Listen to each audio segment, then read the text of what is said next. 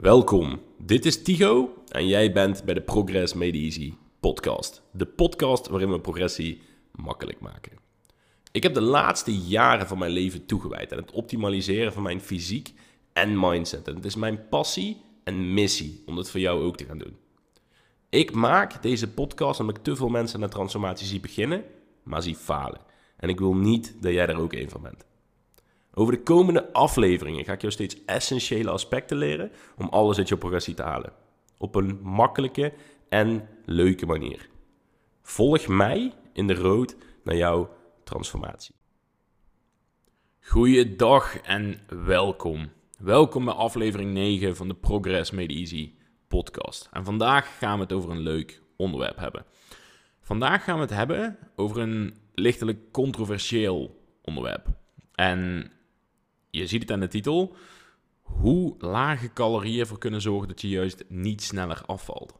En dit is natuurlijk een tekst waar context bij hoort en natuurlijk niet voor iedereen ehm, van sprake is, maar voor velen wel. En ik denk daarom een heel belangrijk topic, want de meeste mensen die ik vast zie lopen op training, op voeding, ehm, die zitten in deze categorie. Want degene die hier geen last van hebben, die hebben, dit, ja, die hebben dit probleem niet. Ehm, die pakken gewoon zijn gewichtsverlies elke week en die gaan gewoon lekker door. Uh, maar ik denk wel een heel belangrijk topic en ik denk dat deze heel veel licht kan schijnen op een wellicht uh, moeilijk punt voor jouzelf. Dus laten we er gewoon lekker diep in duiken. Hoe lage calorieën ervoor kunnen zorgen dat je juist niet sneller afvalt. En dan moet je eigenlijk beginnen bij een bepaald principe en dat is uh, de adaptiviteit van het lichaam. Oftewel de mate waarin ons lichaam zich aanpast in de situatie die we hem geven. En dat is eigenlijk heel logisch. Je lichaam die gaat zich aanpassen aan de situatie die je hem geeft. Dus ga je meer calorieën eten, dan gaat je lichaam eigenlijk steeds minder efficiënt worden met de voeding die hij krijgt. Als jij minder calorieën gaat eten, word jij steeds efficiënter met de voeding die je krijgt. Maar zo kan je bijvoorbeeld ook kijken naar een andere situatie. Stel je voor, je zit in de auto, zit de snelweg lekker te cruisen. En op een gegeven moment, piep, piep, piep, gaat het lampje aan van je tank. En moet je gaan tanken. Dan ga je ook iets minder wild optrekken. Dan ga je ook iets uh, rustiger aandoen. Dan ga je ook iets minder cruise control pakken. Dan ga je kijken of je misschien niet extra hoeft te remmen waar het niet hoeft. Dan ben jij ook voorzichtiger en efficiënter met jouw benzine. En dat is precies wat je lichaam doet als die doorkrijgt van... hé, hey, maat, krijg een beetje te weinig binnen. En zo kan je het ook zien bijvoorbeeld met geld. Heb je minder geld die maand, dan ga je ook zuiniger met je geld om. En als je dat niet doet, dan heb je een probleem. Maar je lichaam die voorziet het dus heel goed. En dat is voor ons totaal niet gunstig als je dat vet wil verliezen. Want dan is het makkelijker hoe minder efficiënt je lichaam is met de calorieën, hoe makkelijker dat je gewicht kan verliezen. En hier zit dus ook tussen personen een groot verschil. En dat is waarom de ene af kan vallen op hoge calorieën en de ene af kan vallen of moet afvallen op lage calorieën. En ook waarom sommige dus uh, bijvoorbeeld bulk op 5000 en, en dieet op 2000, in ieder geval op het einde dan. Um, en sommige bulk op 4000 en dieet op 3000. Dus daar zit, er zit een heel groot verschil in. Maar als ik, als ik daar een kort een ding op uh, mag zeggen, dan is daar vooral huil er niet om. Dat zijn de kaarten die je gedeeld hebt, gekregen en deal ermee. Want ik ben bijvoorbeeld ook een persoon die hoog moet bulken, extreem hoog, dat best wel ongemakkelijk is over het algemeen. En dan ook met diëten eindig ik meestal mijn dieet ergens tussen de 16 en de 1800 calorieën met een hoop cardio. Dus is dat het meest praktische? Nee, ik had liever anders gehad. Maar ik wil gewoon resultaat, dus ik kan beter maar gewoon dan niet hem surren. Dus dat is één tip die ik, je, ook graag mee zou willen geven. Maar we zijn dus zuiniger. Dat is dus heel belangrijk om te beseffen. Dus hoe minder dat we hebben, hoe minder calorieën dat we ons lichaam geven, des te groter het tekort is dat we het lichaam geven, des te efficiënter wordt het lichaam. Des te grotere alarmbellen gaan rinkelen in het lichaam. Die zeggen, yo, hey, ik krijg veel te weinig, even rustig aan, pas op de plaats. En des te groter is de impact dus op jouw onderhoudscalorieën. En hoe groter die impact is op jouw onderhoudscalorieën, dat betekent eigenlijk onderhoudscalorieën zijn de calorieën die je kan eten, waarbij je op gewicht blijft als je ze eet. Dus stel je voor, op een gegeven moment uh, ben je bijvoorbeeld, stel je voor je eet 3000 calorieën. En op een gegeven moment ga je proberen af te vallen en je eet nog maar 2000 calorieën. Dan zou je in het begin daarop afvallen en langzaamaan zal het langzamer worden. En tot het op een gegeven moment niks meer is. En dat je gewoon niet meer afvalt op 2000 calorieën. Nou, dan is dus 2000 jouw nieuwe onderhoud geweest. Dus daarin kan je dus ook zien dat onderhoud niet één getal is. Waar heel veel mensen denken, onderhoud is één getal. Onderhoud is niet één getal. Onderhoud is vloeibaar. Het gaat waar het heen beweegt. En dat is heel belangrijk om te beseffen.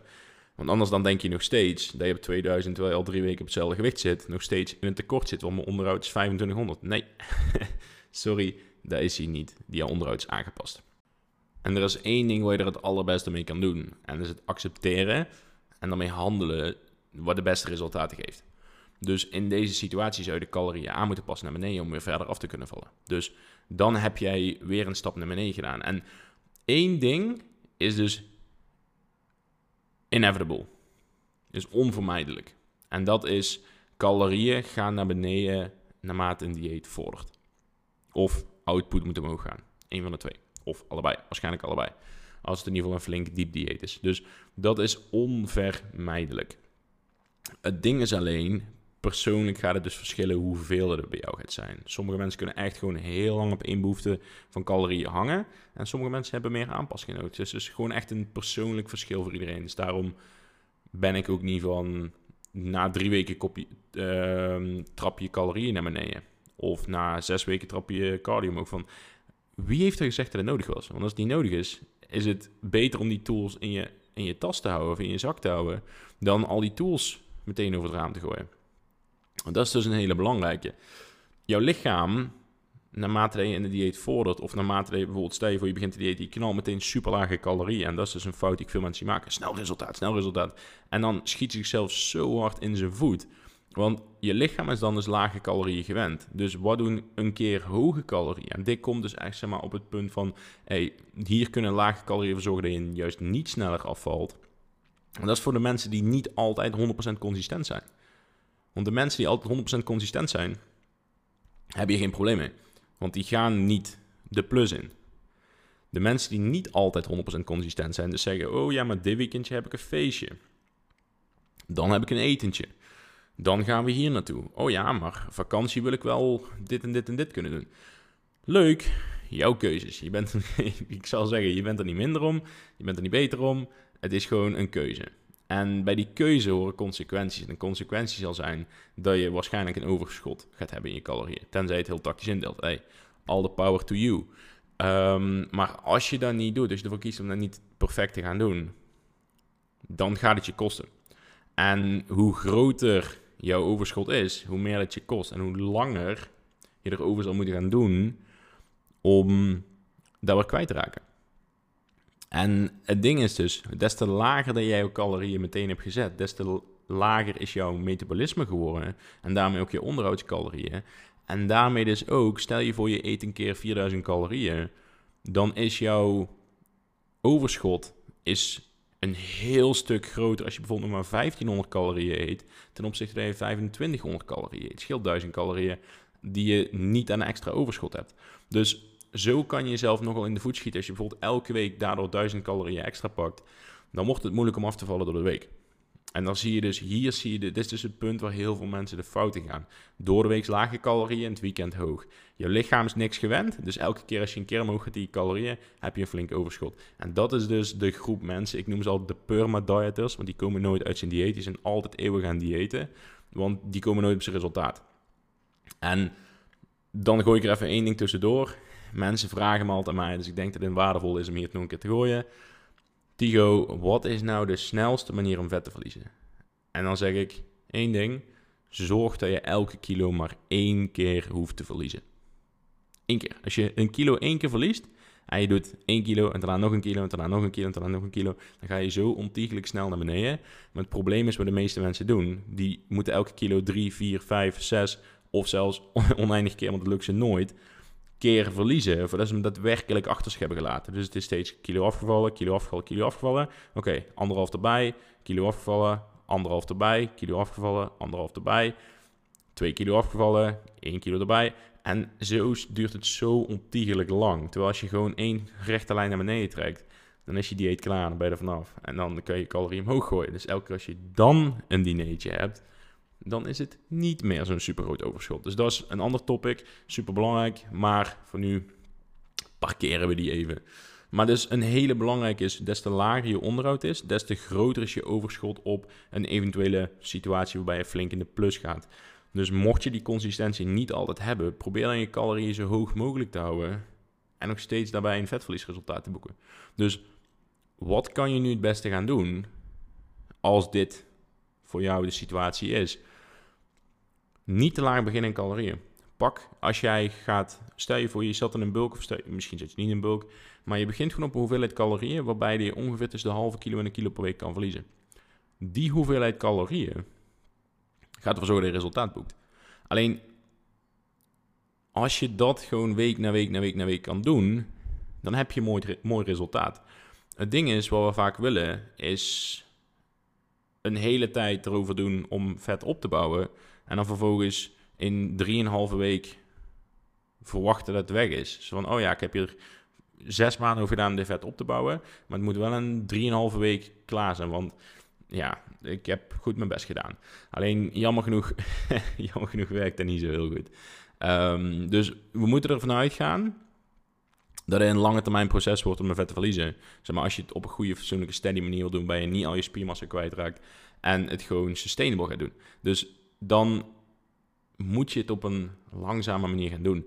Het is nogmaals onvermijdelijk dat die calorieën naar beneden moeten. Dus stel dat proces zo lang mogelijk uit. En daarmee bedoel ik wel, zorg dat je je resultaten haalt. Minimaal halve kilo per week. Minim, of minimaal halve kilo tot een kilo per week ligt natuurlijk in de situatie. Hoe droger je bent, hoe langzamer dat je wil gaan. Hoe meer vet je hebt, hoe sneller je kan gaan. Misschien kan je dan zelfs wel richting anderhalf of twee.